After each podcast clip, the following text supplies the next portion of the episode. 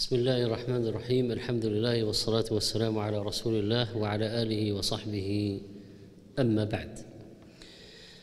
فقد تحدثنا في الدرس الماضي في سلسلة المخالفون لمنهج السلف.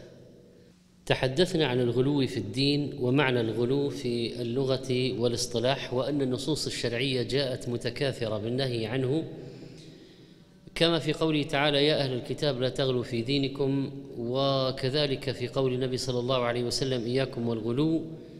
وهلك المتنطعون. والغلو قد يكون في السلوك دون اعتقاد وقد يكون في الأشخاص وقد يكون في الاعتقاد والنهج. وكانت أول فرقة خرجت في زمن النبوة. كانت أول فرقة وخرجت في الإسلام مخالفة لمنهج السلف أولهم في زمن النبوة وهم الخوارج. وهؤلاء كما قلنا كان جدهم في المدينة بين صحابة رسول الله صلى الله عليه وسلم قام معترضا على قسمة قسمها النبي صلى الله عليه وسلم فأراد بعض الصحابة أن يقتله فنهاه النبي صلى الله عليه وسلم عن ذلك وأخبره أنه من ضئضئه يخرج قوم وهم الخوارج وكانت بداية الحركة العسكرية للخوارج والتجمع الفعلي في عهد أمير المؤمنين علي رضي الله عنه كما علمنا وأن هؤلاء القوم ظاهرهم الصلاح وعندهم تعبد ولكن عندهم هذه البدعة الخطيرة والخطيرة جدا والتي سببت آه، سفك الدماء وأن هذه البدعة مستمرة إلى قيام الساعة كما أخبر النبي صلى الله عليه وسلم عن استمرار وجودهم وكذلك أخبر علي رضي الله عنه أنهم في أصلاب الرجال وأرحام النساء يعني أنهم متجددون في كل عصر. كان ذو الخويصر التميمي الأب لهذه الحركة و آه، الخوارج هم شر أهل البدع كما جاء عن النبي صلى الله عليه وسلم فقد روى مسلم رحمه الله في صحيحه عن أبي ذر. قال قال رسول الله صلى الله عليه وسلم إن بعدي إن بعدي من أمتي أو سيكون بعدي من أمتي قوم يقرؤون القرآن لا يجاوز حلاقيمهم يخرجون من الدين كما يخرج السهم من الرمية ثم لا يعودون فيه. هم شر الخلق والخليقة. وكذلك جاء عند أحمد بسند جيد من حديث أنس هم شر الخلق والخليقة طوبى لمن قتلهم وقتلوه. فمن قتلوه يكون شهيدا عند الله ومن قتلهم يكون له أجر قتل هذه المارقة الخبيثة التي تخرج في المسلمين. وقوله الخلق والخليقة الخلق البشر والخليقة البهائم. وقيل هم هما بمعنى واحد ويراد بهم جميع الخلائق. يعني هم شر من الدواب.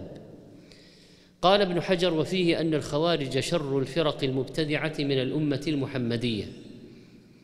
وضررهم بين على المسلمين لأنهم يشغلون أهل الإسلام عن قتال أهل الشرك ولأنهم يفرقون أهل الإسلام ولأنهم يعيثون في دماء الأمة فسادا. ولأنهم يستبيحون أموالها ويستبيحون آه، دماءها وفسادهم عظيم وشرهم مستطير للغاية وهم ينتسبون إلى الإسلام كلامهم وخطبهم وتصريحاتهم بالآيات وبالأحاديث. عن سويد بن غفل قال قال علي رضي الله عنه إذا حدثتكم عن رسول الله صلى الله عليه وسلم فلان أخر من السماء أحب إلي من أن أكذب عليه. وإذا حدثتكم فيما بيني وبينكم فإن الحرب خدعة. سمعت رسول الله صلى الله عليه وسلم يقول يأتي في آخر الزمان قوم يخرجون من قبل المشرق حدثاء الأسنان صغار في السن في المجمل سفهاء الأحلام. عقول طائشة.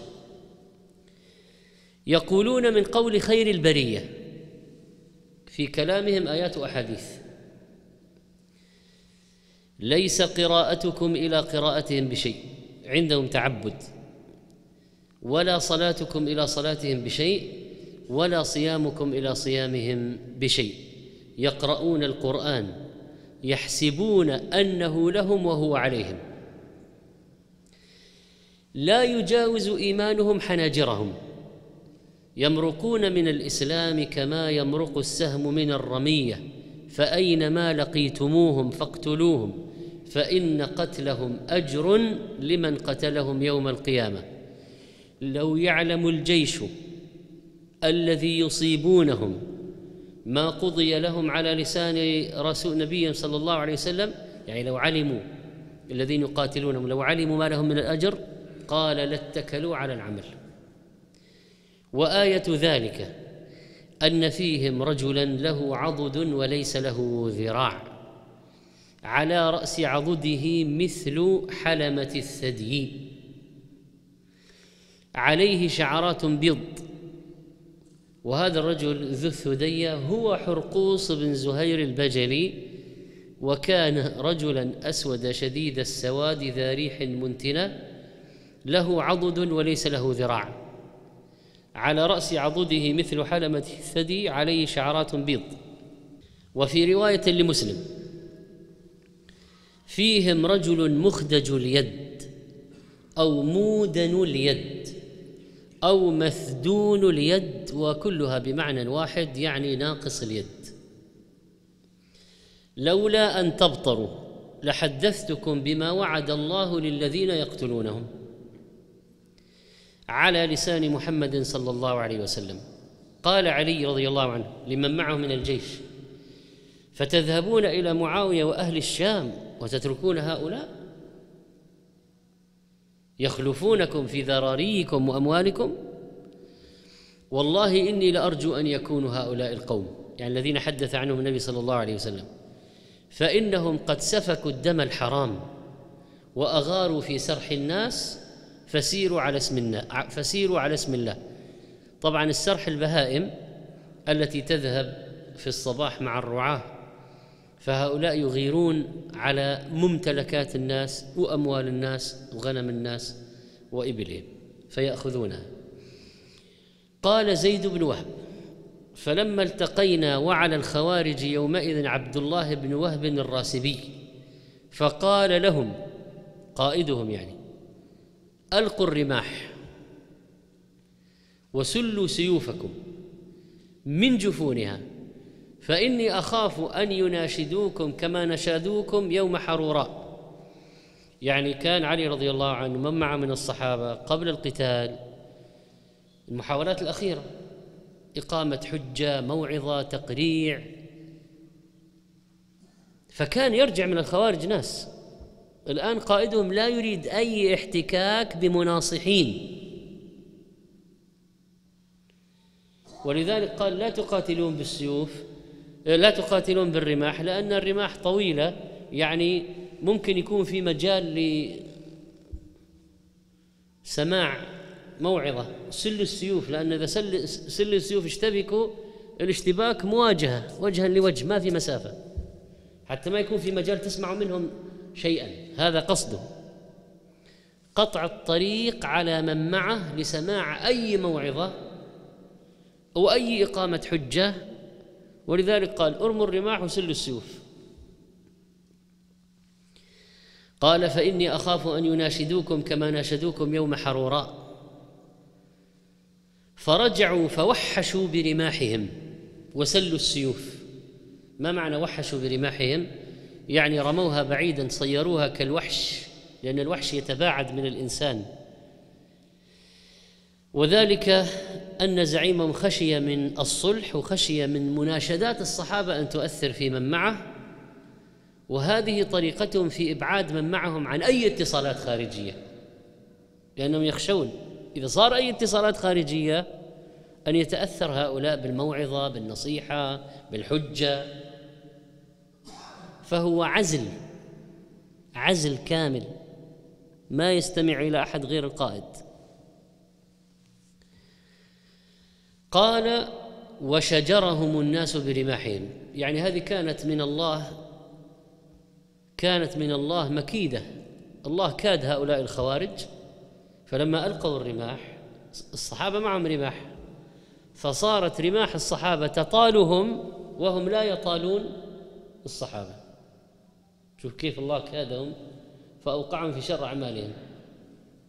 وهكذا من كان لا يريد الحق ولا يريد الصلح ولا يريد الموعظة ولا يريد الحجة ولا يريد النقاش ما هي النتيجة؟ أكون وبال عليه. وهكذا كان. قال وقتل وشجرهم الناس برماحهم. يعني المسلمون والصحابة طاعنوهم بها ومدوها إليهم. قال وقتل بعضهم على بعض. صاروا جثثا مكومة فوق بعضهم البعض. وما أصيب من الناس من جيش علي رضي الله عنه والصحابة إلا رجلان بس. قال القرطبي رحمه الله وقول زعيم الخوارج ألقوا الرماح وسلوا السيوف. فكان في هذا الرأي فتح للمسلمين وصيانة لدمائهم وتمكين من الخوارج. بحيث تمكن منهم بالرماح. فطعنوا ولم يكن لهم بما يطعنون أحدا فقتلوا عن بكرة أبيهم ولم يقتل من المسلمين سوى رجلين. فنعوذ بالله يقول القرطبي فنعوذ بالله من تدبير يقود إلى تدمير. المفهم على صحيح مسلم. عودة مرة أخرى الحديث فقال علي رضي الله عنه التمسوا فيهم المخدج.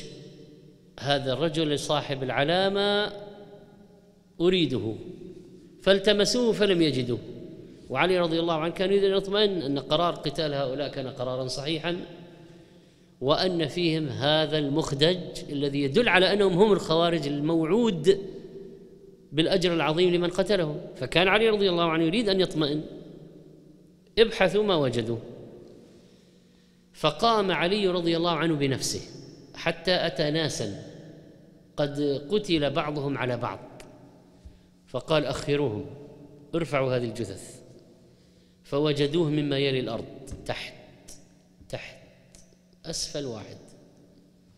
فكبر علي رضي الله عنه ثم قال صدق الله وبلغ رسوله.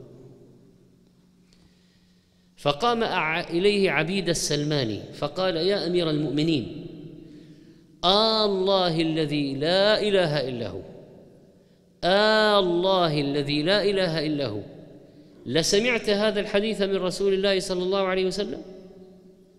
قال إي والله الذي لا إله إلا هو حتى استحلفه ثلاثا وهو يحلف له.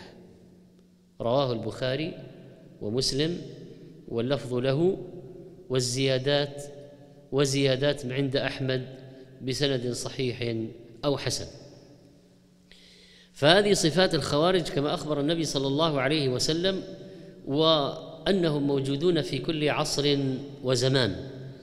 قال شيخ الإسلام رحمه الله تعالى وهؤلاء الخوارج ليسوا ذلك المعسكر المخصوص المعروف في التاريخ بل يخرجون إلى إلى زمن الدجال.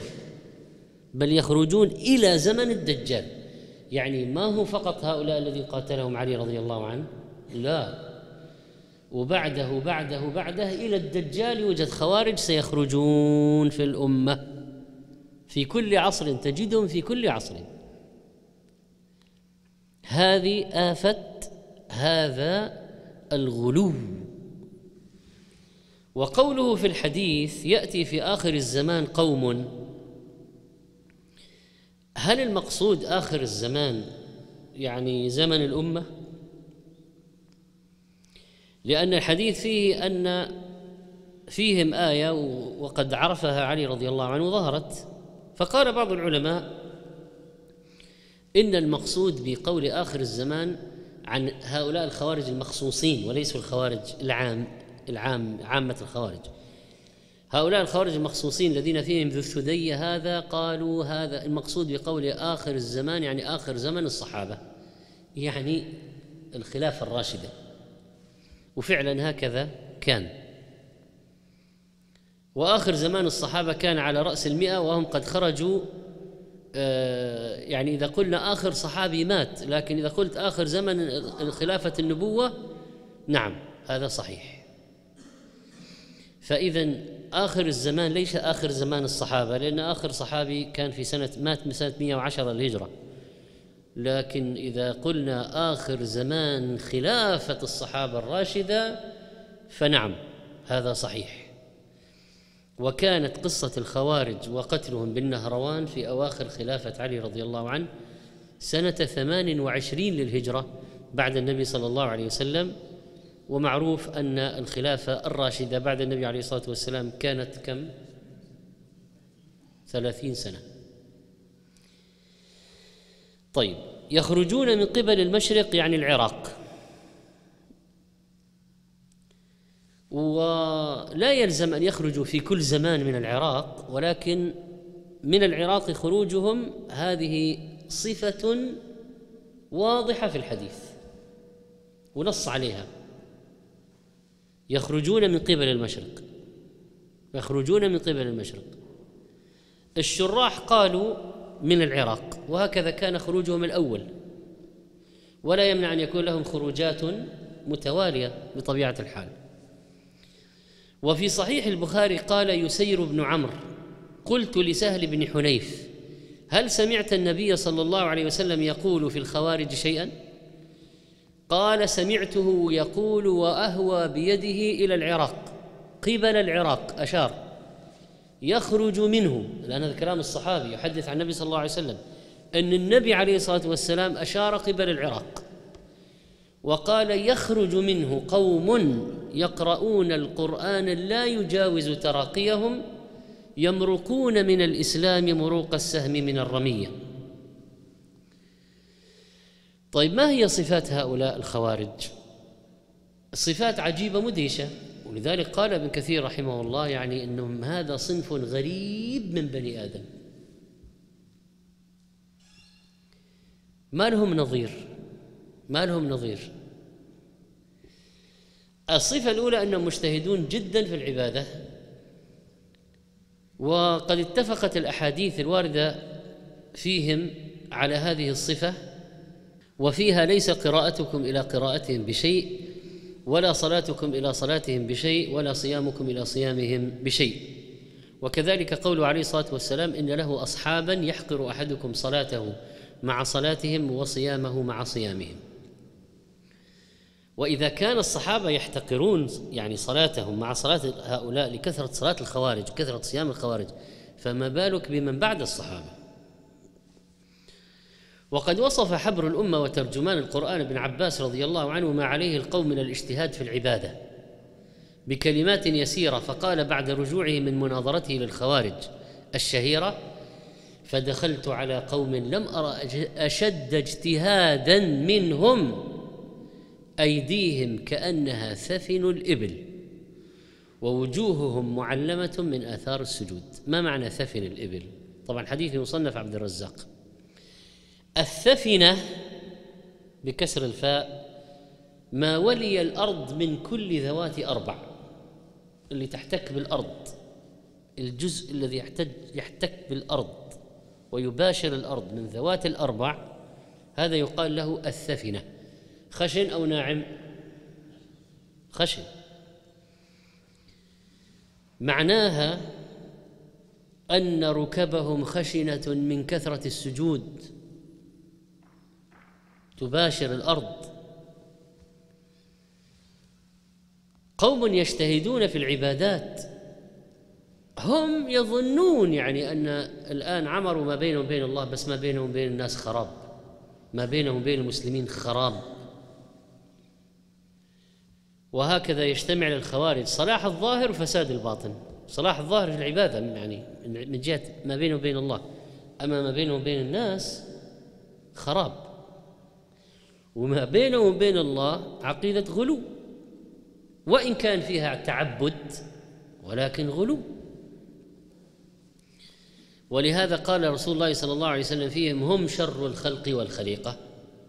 قال شيخ الإسلام ولهذا يحتاج المتورع إلى علم كثير بالكتاب والسنة والفقه في الدين وإلا فقد يفسد تورعه الفاسد أكثر مما يصلحه. كما فعله الكفار وأهل البدع من الخوارج والروافض وغيرهم. فتاوى شيخ الإسلام. ولذلك القتال الشرعي الذي كان في الأمة قتال الخوارج وقتال الروافض. منه قتال الخوارج وقتال الروافض. اثنين الصفة الثانية لهؤلاء الفهم الخاطئ للقرآن. فهم يكثرون قراءة القرآن دون فقه ولا علم بل يضعون آياته في غير موضعها. ولذلك جاء وصفهم في الأحاديث الصحيحة يقرؤون القرآن يحسبون أنه لهم وهو عليهم. يحسبون أنه لهم وهو عليهم. يقرؤون القرآن لا يجاوز تراقيهم. ولذلك لما اعترضوا على علي كفروه كفروه بآية إن الحكم إلا لله ومن لم يحكم ما أنزل الله فأولئك هم الكافرون أنت كافر. مع أن علي رضي الله عنه حكم القرآن والقرآن فيه الصلح بين المسلمين فأصلحوا بينهما. قالوا لا. أنت حكمت الرجال في دين الله أنت كافر. وجهادك واجب. وكانوا يتباشرون بالجنة وهم يقاتلون عليا رضي الله عنه. بل إن الذي قتل علي رضي الله عنه في النهاية خارجي من الخوارج. قتل خير الخلق في ذلك الوقت. عليا رضي الله عنه. أفضل أهل الأرض في ذلك الوقت. قتله خارجي.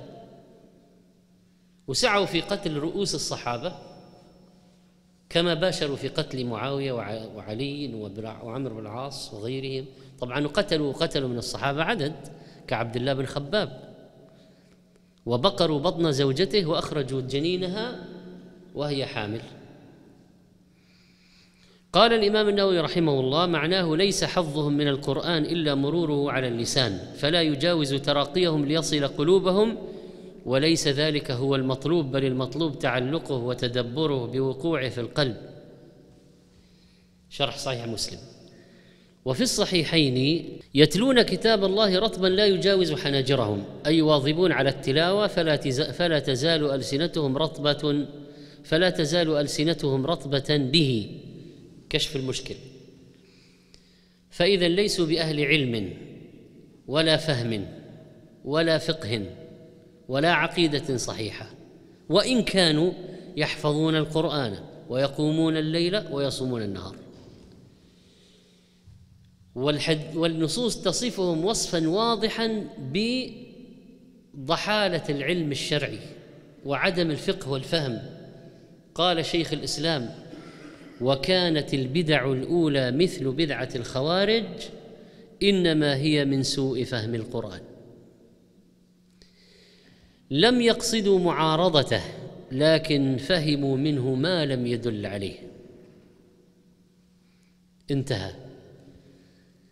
فينبغي إذن عدم الاغترار بظاهر الكلام ومعرفة حقيقة فقه القوم حتى لا يهلك الإنسان لأنه ليس كل من احتج بآية أو حديث فهو محق بل قد احتج مبتدع بآيات وأحاديث. المعتزلة قالوا أبونا إبراهيم. جد المعتزلة. ليه؟ قال إنه قال وأعتزلكم وما تعبدون من دون الله. وهذا طبعا كلام فارغ ما له علاقة ابدا ولا هذه لا علاقة ب وإبراهيم منهم بريء عليه السلام. فقد ادعى إبراهيم اليهود والنصارى والمعتزلة. كثيرون يدعون إبراهيم إلى جانبهم. قال ابن حجر رحمه الله كان يقال لهم القراء لشدة اجتهادهم في التلاوة والعبادة إلا أنهم كانوا يتأولون القرآن على غير المراد منه ويستبدون برأيهم ويتنطعون في الزهد والخشوع وغير ذلك. انتهى. والغلاة الغلاة هؤلاء الموجودون في كل عصر كما قلنا يحتجون بالقرآن احتجاجا باطلا. كما قال ابن عمر رضي الله عنه انطلقوا إلى آيات في الكفار فجعلوها على المسلمين. هذه واحدة من أهم صفاتهم. هم يحتجون بالقرآن. لكن يأتون إلى آيات في الكفار فيجعلونها على المسلمين. قال فجعلوها على المؤمنين رواه البخاري تعليقا. فأصل بدعة الخوارج هي سوء الفهم للنصوص ومن سوء الفهم اتباعهم للمتشابه وترك المحكم. من سوء فهم اتباع المتشابه الذي يحتمل اوجها ولا يعرفه إلا أولو العلم الراسخون والمتشابه هذا ذكره الله سبحانه وتعالى في كتابه وبين أن حكمه بأن يرد إلى المحكم والمحكم هو ما لا يحتمل إلا وجها واحدا بين واضح؟ وجعل الله المتشابه فتنة وابتلاء واختبار ليعلم من يتبع المتشابه ويحتج به ويترك المحكم أو يضل بهذا المتشابه ولا يرده إلى المحكم. والمحكم ما, يح ما لا يحتمل في التفسير إلا وجها واحدا والمتشابه ما يحتمل وجوها كثيرة ولكن الراسخون يعرفون الوجه الصحيح من هذه الوجوه الكثيرة. وعلى مر العصور كان الخوارج والغلاة يتصفون بهذه الصفات وذكر لابن عباس الخوارج وما يصيبهم عند قراءة القرآن فقال يؤمنون بمحكمه ويضلون عند متشابه عند متشابهه وقرأ وقرأ رضي الله عنه وما يعلم تأويله إلا الله والراسخون في العلم يقولون آمنا به. الشريعة للآجري ومن سوء فهمهم أنهم ينطلقون إلى كتب أهل العلم فيكثرون النقل منها ويضعونه على غير المرد. فيأتون بعبارات لشيخ الإسلام ابن تيمية قصد بها شيئا يركبونها على شيء آخر. وهذا ليخادعوا الصغار الذين يريدون أن يضموهم إليهم وأن يسيروا معهم. الصفة الثالثة الواردة في النصوص لهؤلاء الخوارج الغلاة أنهم حدثاء الأسنان. حدثاء الأسنان يعني في مجملهم صغار في السن. قال الحافظ رحمه الله والحدث هو صغير السن قال في المطالع معناه شباب. قال ابن الأثير حداثة السن كناية عن الشباب وأول العمر. فعامة الخوارج أكثرهم من هذا الصنف صغار شباب صغار لأنهم يمكن أن يستغفلوا ويسيروا وفيهم استعجال وحماس وقلة علم. وهذه صفات مهمة جدا لقادة الخوارج كي يستميلوا هؤلاء. وابن عباس رضي الله عنه لما ناقشهم ذمهم في هذه فقال لهم أتيتكم من عند أصحاب النبي صلى الله عليه وسلم المهاجرين والأنصار ومن عند ابن عم النبي صلى الله عليه وسلم وصهره يعني علي رضي الله عنه وعليهم نزل القرآن يعني على المهاجرين والأنصار وعلى علي رضي الله عنه وعلى أمثاله. وهم أعلم بتأويله منكم وليس فيكم منهم أحد.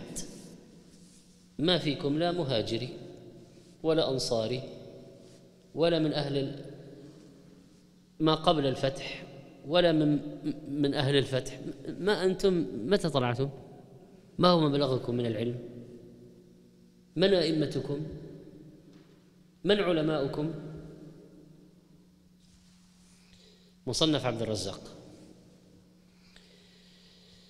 وهؤلاء طبعا يعتبرون يعني يسفهون أهل العلم. الناظر في كلامهم في القديم والحديث يعني هم في القديم ما رأوا لا علي رضي الله عنه ولا ابن عباس ولا أبا موسى ولا غيره ما رأوا الصحابة شيئا يعني. ما رأوهم لا علماء ولا أخذوا عنهم ولا اعترفوا بهم بل كفروهم ولذلك صفة الخوارج والغلاة على مر العصور أنهم يكفرون ويسفهون علماء العصر. وهذه صفة مهمة لأنهم كفروا وسفوا علماء الصحابة فمن بعدهم من باب أولى. ولذلك ترى في كلامهم هؤلاء الغلاة حتى اليوم تسفيه العلماء الكبار. ما يبهون بأحد لا يبهون بأحد. يعني عالم في السبعين عالم في الثلاثين عالم في الأربعين عالم في الخمسين ما يبهون بأحد. يكفرونهم كلهم ويقولون فلان كافر وفلان كافر وفلان كافر ورجلي على رقابهم جميعا. يعني مو بس اتهام بالكفر قلة الأدب والوقاحة ما فيه ما عندهم ما يعترفون. وإذا اضطروا أن يقولوا هؤلاء هؤلاء علماء جحور لا يفتون إلا في الحيض والنفاس قالوا ذلك. ما عندهم مشكلة. ويعتبرونهم كلهم أصلا هم قالوا لرسول الله صلى الله عليه وسلم جدهم الكبير قال يا محمد اعدل فهذه قسمة ما أريد بها وجه الله. فإذا كان وقحا مع النبي صلى الله عليه وسلم أن يكونوا وقحين مع من هو دونه من ورثته شيء طبيعي. وأدى غرورهم أن زعموا أنهم أعلم من الصحابة. ولذلك يعرف الخوارج بالكبر والتعالي. يعني كان واضح من كلامهم ضد الصحابة إنهم أصحاب غرور غرور. عندهم غرور واحتقار لأهل العلم. لا يوجد يعني أمامهم آه، يعني كبراء من أهل العلم يوقرونهم. واحيانا يزعمون أنهم يوقرون فلانا فإذا انتقدهم انقلبوا عليه وكفروه وهذا عندهم يعني صفة عامة. يمشون وراء واحد يظنون أنه سيقول كلاما في صالحهم.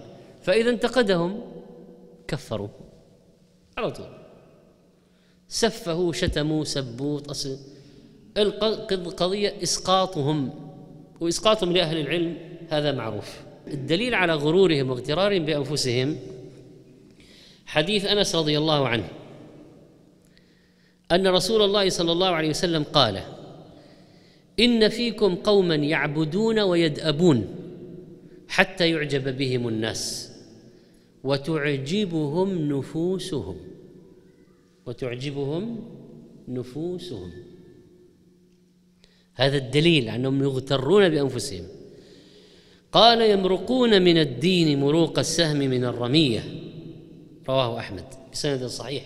ولذلك يمكن أن تجد واحد فيهم قد لا يعرف بدهيات العلم الشرعي ولا أبجدياته فيرد على علماء. ومن هو؟ من هو؟ لا فقه سديد ولا رأي رشيد. غرور. وأدى التعالم إلى تصدر حدثاء الأسنان فيهم وسفهاء الأحلام. فممكن يقول لك هذا هذا القاضي تبعنا عمره 19 سنة. يعني يعني متى درس القضاء؟ متى درس الشريعة؟ ومتى درس الفقه؟ ومتى تخصص في القضاء؟ وإيش يعني, يعني مبلغه من العلم؟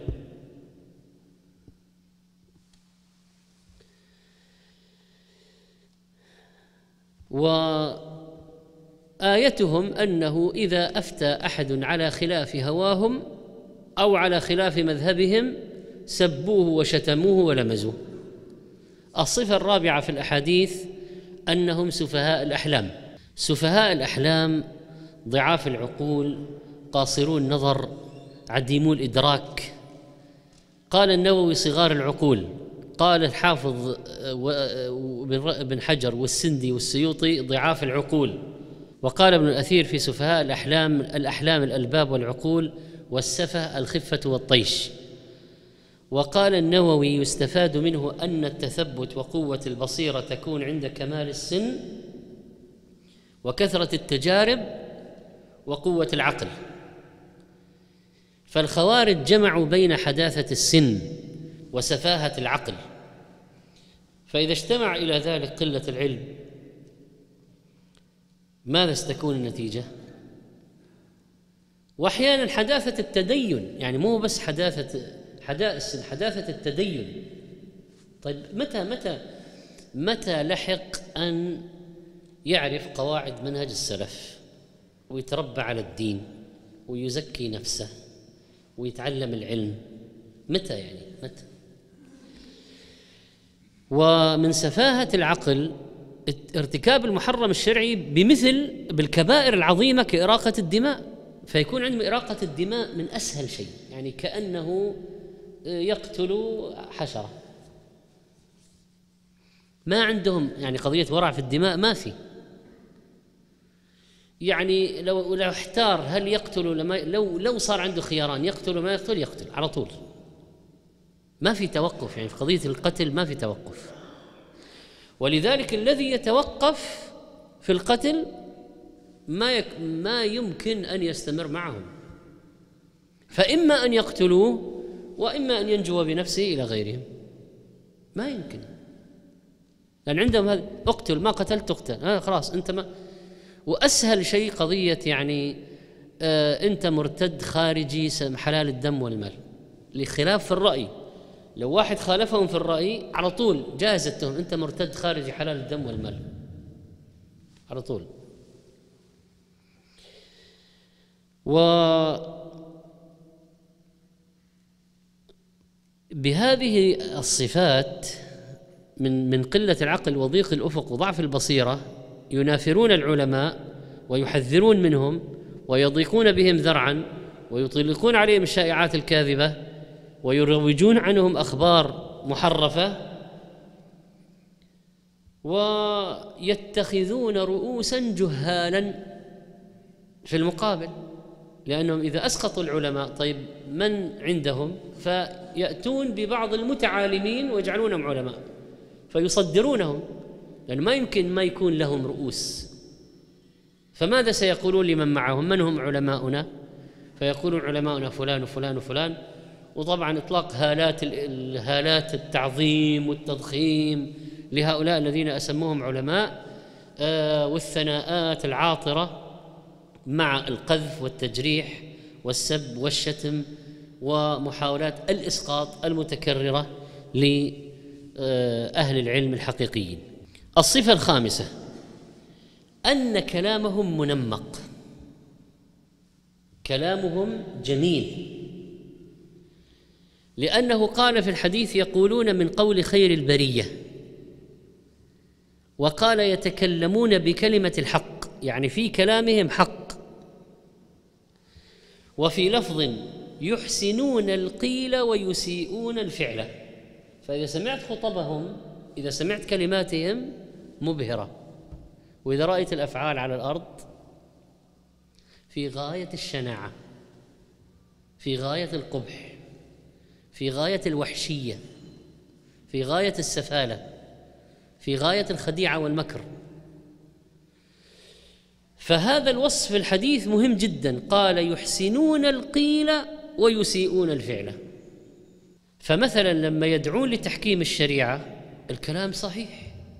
جميل تحكيم الشريعة. ومن الذي لا يريد تحكيم الشريعة؟ ولكن ماذا يوجد في الواقع؟ مخالفة الشريعة ونسف الشريعة بهذه بسفك الدماء وإشاعة البغضاء الفوضى يعني والانصراف عن قتال أهل الشرك والكفر والكفار الواضحين البينين إلى قتال المسلمين. قال السندي رحمه الله يتكلمون ببعض الأقوال التي هي من خيار أقوال الناس. الصفة السادسة والمهمة لهؤلاء الكاشفه لهم وهي من أميز الصفات التي تبينهم التكفير واستباحه دماء المسلمين. طبعا التكفير فيه حق. حتى يعني بعض الناس يقول ما نبغى تكفير ابدا هذا ضال لأن الله كفر في كتابه. قال لقد كفر الذين قالوا إن الله ثالث ثلاثة. ففي كفر في تكفير بحق. لكن نتكلم الآن عن التكفير بالباطل. أن هؤلاء يكفرون بالباطل وبناء على ذلك يستبيحون الدم. فجاء في صحيح مسلم فجاء في صحيح البخاري ومسلم من حديث أبي سعيد رضي الله عنه أن النبي صلى الله عليه وسلم قال عن ذي الخويصرة أبوهم إن من ضئضئ هذا قوما يقرؤون القرآن لا يجاوز حناجرهم. يمرقون من الدين مروق السهم من الرمية يقتلون أهل الإسلام ويدعون أهل الأوثان. يقتلون أهل الإسلام ويدعون أهل الأوثان. فأحيانا يدعون الجهاد ويقتلون مجاهدين مثلهم ويدعون الإسلام ويقتلون مسلمين مثلهم ويصلون ويقتلون مصلين مثلهم. فهذا قول عليه الصلاة والسلام يقتلون أهل الإسلام ويدعون أهل الأوثان. فتكون الجبهة مع الكفار المشركين البينين الواضحين فيتركونها ويذهبون لقتال المسلمين. قال لئن أنا أدركتهم لأقتلنهم قتل عاد. وقال عنهم رضي الله عنه علي فإنهم قد سفكوا الدم الحرام وأغاروا في سرح الناس وهذا من أعظم ما ذم به النبي صلى الله عليه وسلم الخوارج كما قال شيخ الإسلام ابن تيمية قوله فيهم يقتلون أهل الإسلام ويدعون أهل الأوثان طيب ما هو سبب قتلهم لاهل الإسلام؟ لأن هذه قضية قتل أهل الإسلام قضية كبيرة خطيره فبنوا على فبنوها على ماذا؟ لأنه لابد أن تبنى على شيء يعني ما لن يذهب يعني يستبيح دم واحد هكذا يقتله مباشرة بدون سبب لابد من سبب فما هو السبب؟ تكفيره قبل قتله إذا كان لعن المؤمن كقتله فكيف بتكفير المؤمن؟ فكيف بقتله فيلعنونهم ويكفرونهم ثم يقتلونهم فالأرضية التي يبني عليها هؤلاء قتلهم للمسلمين الحجة تكفير هؤلاء المسلمين. قبل خطوة استباقية قبل حتى توجد مبرر لقتلهم.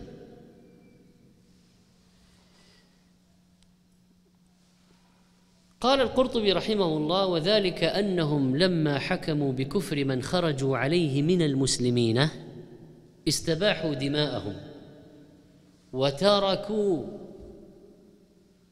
أهل الذمة وقالوا نفي لهم بذمتهم. وعدلوا عن قتال المشركين. يعني أهل الذمة احترموهم. والمشركون تركوهم.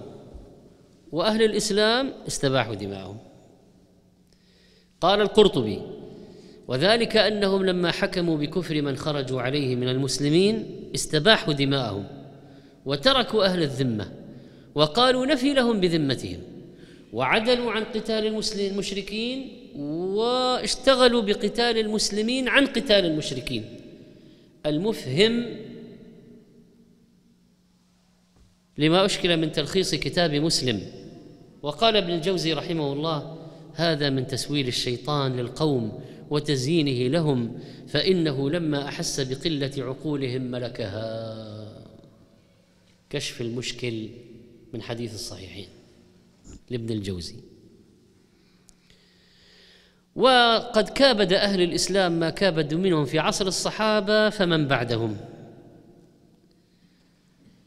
تكفيرا وردة واتهاما بالردة واستباحة للدم. وقد قالوا عن الصحابة إن عثمان وعليا إن عثمان وعليا ونحوهما حكموا بغير ما أنزل الله وظلموا. فصاروا كفارا. خلاص. هذا تكفيرهم لعثمان وعلي رضي الله عنهما. وتكفير المسلمين في الجملة مشترك بين طوائف الابتداع والغلو كما قال شيخ الإسلام وهذا نعت سائر الخارجين كالرافضة ونحوهم فإنهم يستحلون دماء أهل القبلة لاعتقادهم أنهم مرتدون أكثر مما يستحلون من دماء الكفار الذين ليسوا مرتدين. ليش؟ قال لأن المرتد شر من غيره. انتهى. فإذا الاستهانة بالدماء الاستخفاف بالدماء هذه علامة واضحة. والقتل مبرر سهل عندهم. تارة ممكن يستدلوا بالتترس وتارة يقولون مرتدين فيقتلونهم. وتارة يقولون حتى نقاتل الكفار لا بد أن نستبيح دم هؤلاء. وتارة يقولون هؤلاء أصحاب موالاة مرتدون. دخلوا انتخابات مرتدون رشحوا مرتدون صوتوا مرتدون. هو الآن يعني كذا أي ترشيح وتصويت في أي هذا ردة على طول؟ ردة مباشرة؟ ولذلك يمكن أن يكون عندهم من سكت عن المرتد مرتد ومن جاور المرتد مرتد ومن فعل فالتكفير عند الخوارج ليس قاصرا على مرتكب الكبيرة. بل قد يقولون نحن ما نكفر الزاني وشارب الخمر لكنهم يفعلون أسوأ من الذين كفروا الزاني وشارب الخمر ألا هو تكفير من خالفهم بالرأي. فإنه قد يخالفهم إنسان في الرأي في مسألة اجتهادية. ما هي صغيرة فضلا عن أن تكون كبيرة. ما هي إثم ما هي أصلا معصية أصلا. خلاف في قضية في الرأي مسألة اجتهادية. فالمخالف عندهم مرتد. خلاص أنت خارج عنا وعن أميرنا وعنها خلاص أنت مرتد. أنت لست معنا أنت مرتد. أنت أنت يعني تخالفنا أنت مرتد. هذا أشد من مرتكب تكفير مرتكب الكبيرة. ولذلك لو قالوا نحن ما نكفر شارب الخمر والزاني طب أنتم تفعلون أسوأ من ذلك. أنتم تكفرون من خالفكم في الرأي. تكفرون. خلاص. إذا أنتم أسوأ من الخوارج الأول. إذا أنتم كان الخارجي الأول يكفر مرتكب الكبيرة خلاص أنت أنت الآن من كفر إذا كفرت من خالفك في الرأي هذا أنت أسوأ من ممن كفر مرتكب الكبيرة ومن صور التكفير عند الخوارج طبعا الآن نتكلم يعني عموما في, في, في على مر العصور. أولا تكفير أعيان المسلمين بالذنوب والمعاصي التي هي دون الشرك ودون الكفر والحكم عليهم بالخلود في النار. قال شيخ الإسلام وهؤلاء الخوارج لهم أسماء. يقال لهم الحرورية لأنهم خرجوا بمكان يقال له حرورا. ويقال لهم أهل النهروان لأن عليا قاتلهم هناك. ومن أصنافهم الإباضية أتباع عبد الله بن إباض وموجودين في بعض مناطق الجزيرة. والأزارقة أتباع نافع بن الأزرق والنجدات أصحاب نجدة الحروري. فهم فرق الخوارج نفسهم فرق وينتسبون أحيانا إلى كبير من كبرائهم أو إلى مكان خرجوا فيه. وغلبوا عليه أو غلبوا عليه. وهم أول من كفر أهل القبلة بالذنوب واستحلوا دماءهم ولذلك نعتهم النبي صلى الله عليه وسلم بقوله يقتلون أهل الإسلام ويدعون أهل الأوثان وكفروا علي رضي الله عنه وعثمان ومن والاهما. من والى علي وعثمان كفروا. وكفروا وقتلوا علي بن أبي طالب مستحلين لقتله. قتله عبد الرحمن بن ملجم المرادي منهم وكان هو وغيره من الخوارج مجتهدين في العبادة. يعني عبد الرحمن ملجم هذا ما هو من الزناة وشراب الخمور لا هذا من قوام الليل قراء القرآن ومن المصلين. قتل عليا رضي الله عنه ابن عم رسول الله صلى الله عليه وسلم. وزوج ابنته ورابع الخلفاء الراشدين ومن العشرة والمبشرين بالجنة. وفيه من النصوص في فضله الكثير. كفروه قتلوه ما وفروه ما وفروا علي رضي الله عنه. فضلا عن أن يوفروا غيره ومنه ودونه.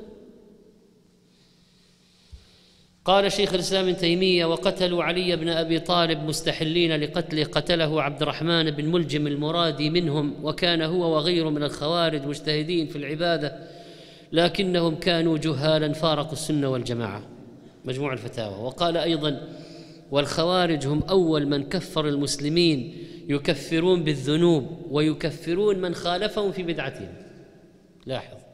يكفرون من خالفهم في بدعتهم. ويستحلون دمه وماله.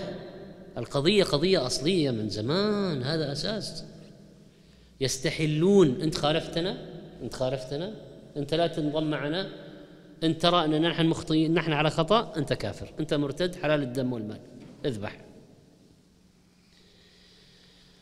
قال يكفرون بالذنوب. ويكفرون من خالفهم في بدعتهم ويستحلون دمه وماله. وهذا حال أهل البدع يقول شيخ الإسلام يبتدعون بدعة ويكفرون من خالفهم فيها.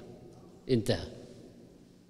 اثنين التكفير بما ليس بذنب أصلا. فيقولون من جلس مع كافر كافر.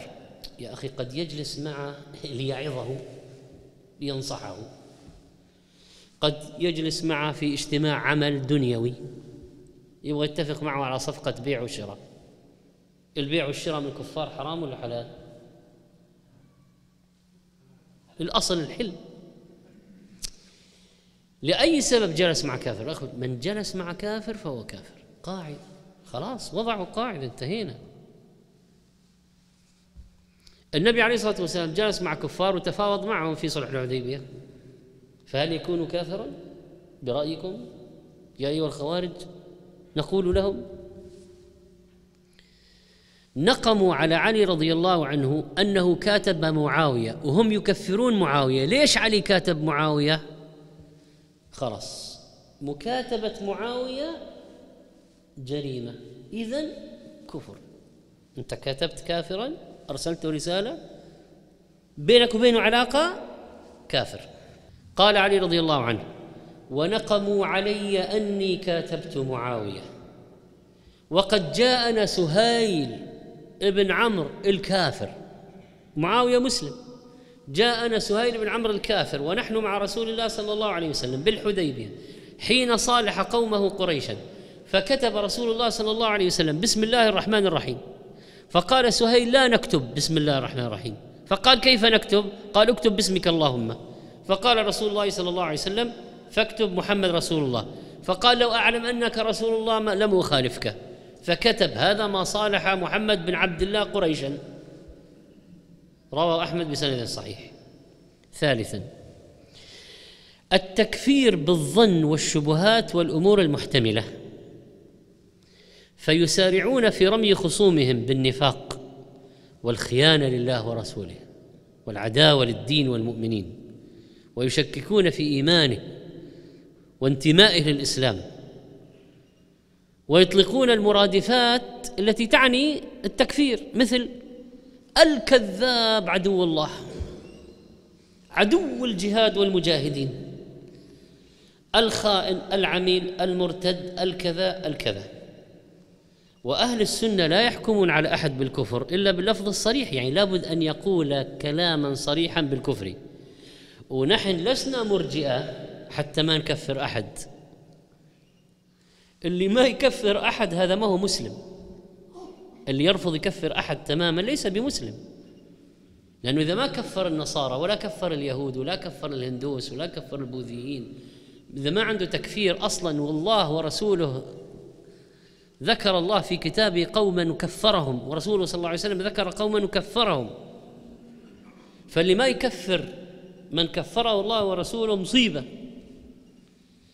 لكن هنا في هذه الحالة تكفير بالظن والشبهات والأمور المحتملة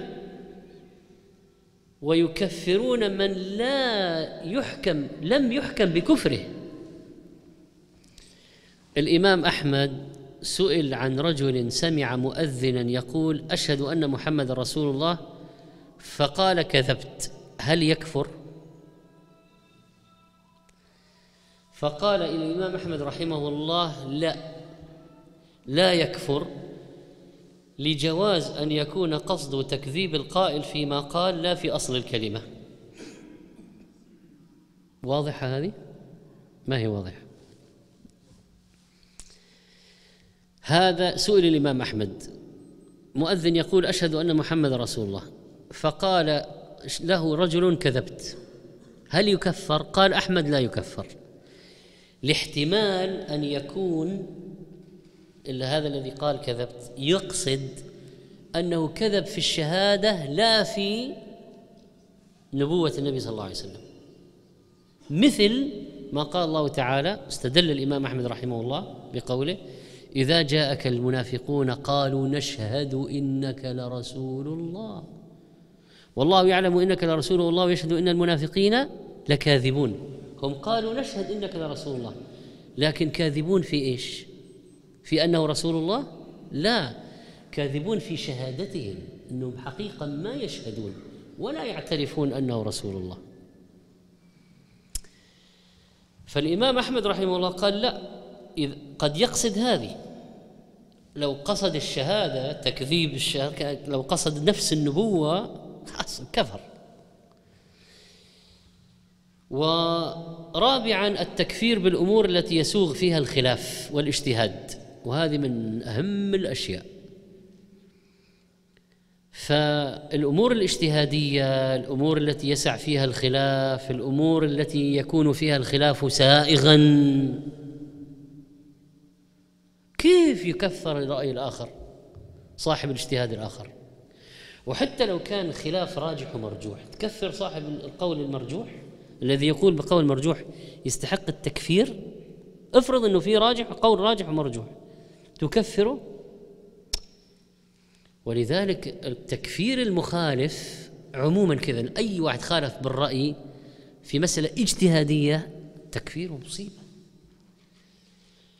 فلا يفرقون بين تخطئة المجتهد وتكفير المجتهد. الان انت ممكن تقول عن مسألة والله هذا اجتهد وأخطأ.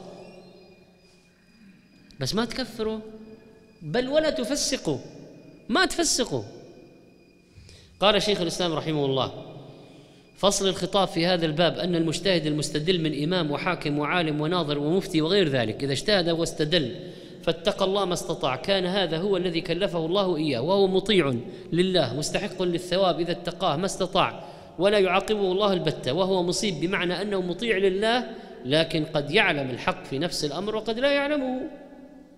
وقال إن المتأول الذي قصد متابعة الرسول صلى الله عليه وسلم لا يكفر بل ولا يفسق وإذا اجتهد فأخطأ وهذا مشهور عند الناس في المسائل العلمية يعني العملية يقصد الفقه مثلا حلال الحرام وهذا وأما مسائل الاعتقاد العقائد فكثير من الناس كفر المخطئين فيها. وهذا القول لا يعرف عن أحد من الصحابة والتابعين لهم بإحسان ولا عن أحد من أئمة المسلمين وإنما هو في الأصل من أقوال أهل البدع. يعني الذي يكفر المخالف بإطلاق يعني بإطلاق. وأما من أقيمت عليه الحجة وقال كفرا لابد يكفر. ما فيها كلام يعني وإلا ما صار صار الدين شوربة. إذا ما صار في تكفير الكافر الكافر الحقيقي ما صار دين ما صار دين.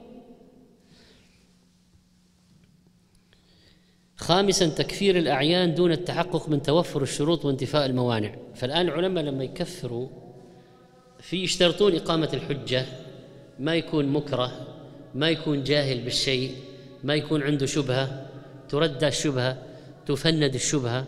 في شروط للتكفير. حتى لو الشخص قال كفرا في شروط. إذا تحققت قالوا خلاص نحكم عليه بالكفر. وممكن يكون مرتدا ويحاكم ويقضي عليه ويسجل تسجل ردته ويحكم عليه القاضي بالقتل ردة وينفذ القتل بأمر الإمام. أما كذا مجرد مباشرة من يعني مخالفة في مسألة اجتهادية إلى مرتد وأي واحد يقيم عليه الحد من هؤلاء هذه كارثة. هذه هي الكارثة. قال الشيخ ابن عثيمين رحمه الله وليعلم أنه يجب على الإنسان أن يتقي ربه في جميع الأحكام فلا يتسرع في البت بها خصوصا في التكفير الذي صار بعض أهل الغيرة والعاطفة يطلقونه بدون تفكير ولا روية. انتهى. سادسا عند الخوارج أيضا التكفير باللازم والمآل تكفير بلازم القول يعني بما يلزم من القول. ومن العجيب أن بعضهم يعني آه واحد شوف يعني تكفير هذا مصيبه يعني. جاء واحد وضع نعله قريب من العالم. هذا العالم جالس هنا جاء هذا وضع نعله قريب منه. العملية هذه يعني يعني يعني على أسوأ أحوالها محتملة يعني لي. مع أن أصل ظاهر يعني إيش قالوا؟ هونت العالم وهذا تهوين للشريعة وتهوين للرسول الذي جاء بالشريعة واستهانة بمن أرسله. أنت مرتد كافر حلال الدم يأتي هؤلاء مثلا يكفر حكومة بعدين كل كل موظفي الحكومة كفار. يا ابن الحلال فيهم مدرسون فيهم مد... فيهم ناس مد... طيب فيهم آه يعني إيش موظفون في آه مسعفون في في في سيارات الإسعاف في يعني إيش أبد كلهم كفار. كلهم. ما دام يشتغلون في هذه الحكومة الكافرة كلهم كفار. طيب يوسف لما كان قال يعني على خزائن الأرض وجعله على خزائن الأرض إيش صار؟ على كلام على كلامك إيش صار؟ قال ابن حزم وأما من كفر الناس بما تؤول إليه اقوالهم فخطأ لأنه كذب على الخصم وقوله ما لم يقل به. فلا يكفر إلا بنفس القول ونص النص المعتقد. ولما رأى بعض هؤلاء أهل الغلو المعاصرين وجوب اعتزال المجتمعات كلها أي مجتمعات يقول اعتزلوها هذول كلهم كفار. ما دام جالسين ما دام شعب مع هذه الحكومة كفار. الحل نخرج من بين الكفار. وين نروح؟ آه، الصحراء. خلاص إلى مك أي مكان؟ نطلع. خلاص. ومن جلس معهم وبقي معهم كافر حلال الدم والمال. سابعا أنهم يستحلون الدماء دون قضاء ولا محاكمة. طب هذه الآن تستحل الدم لازم يكون في بينة محاكمة.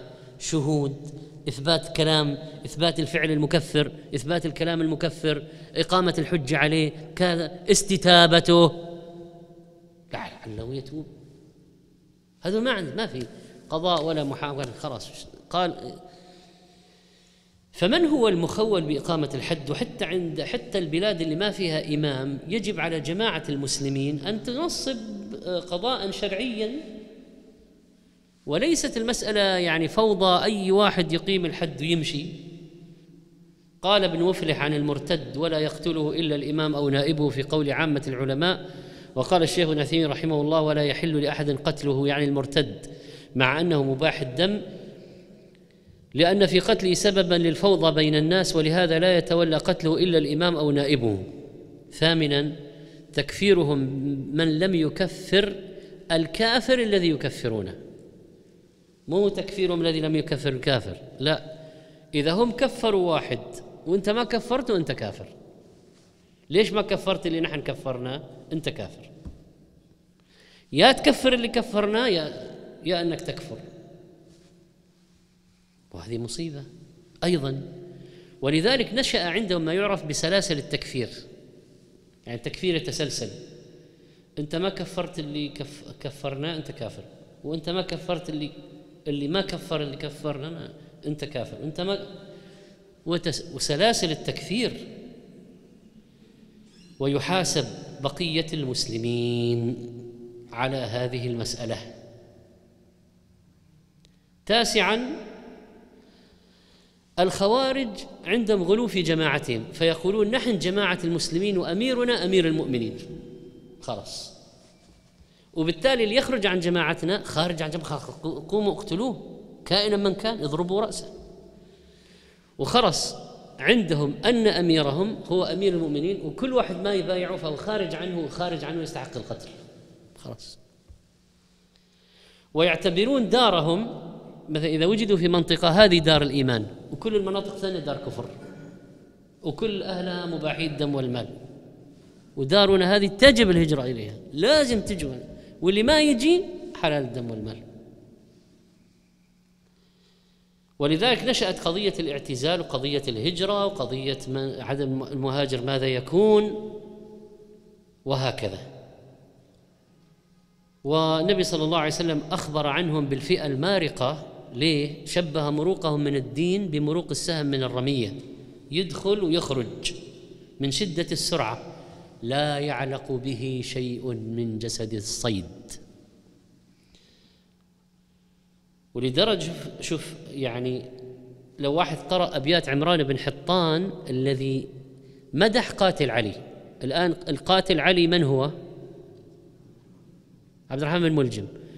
عمران بن حطام من قادة الخوارج. ماذا وصف ماذا وصف عبد الرحمن بن ملجم؟ قال لله در المراد الذي سفكت كفاه مهجة شر الخلق إنسانا.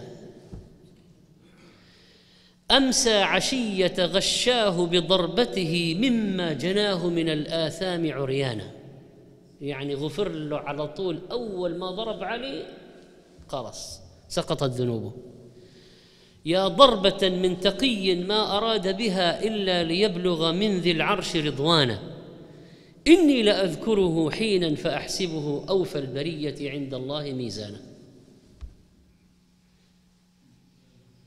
رد عليه واحد من أهل السنة قال قل لابن ملجمه والأقدار غالبة هدمت ويحك للإسلام أركانا. قتلت أفضل من يمشي على قدم وأول الناس إسلاما وإيمانا.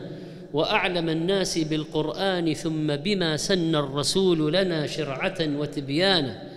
ذكرت قاتله والدم ذكرت قاتله والدمع منحدر فقلت سبحان رب الناس سبحانه إني لأحسبه ما كان من بشر يخشى المعاد ولكن كان شيطانا أشقى مراد إذا عدت قبائلها وأخسر الناس عند الله ميزانا.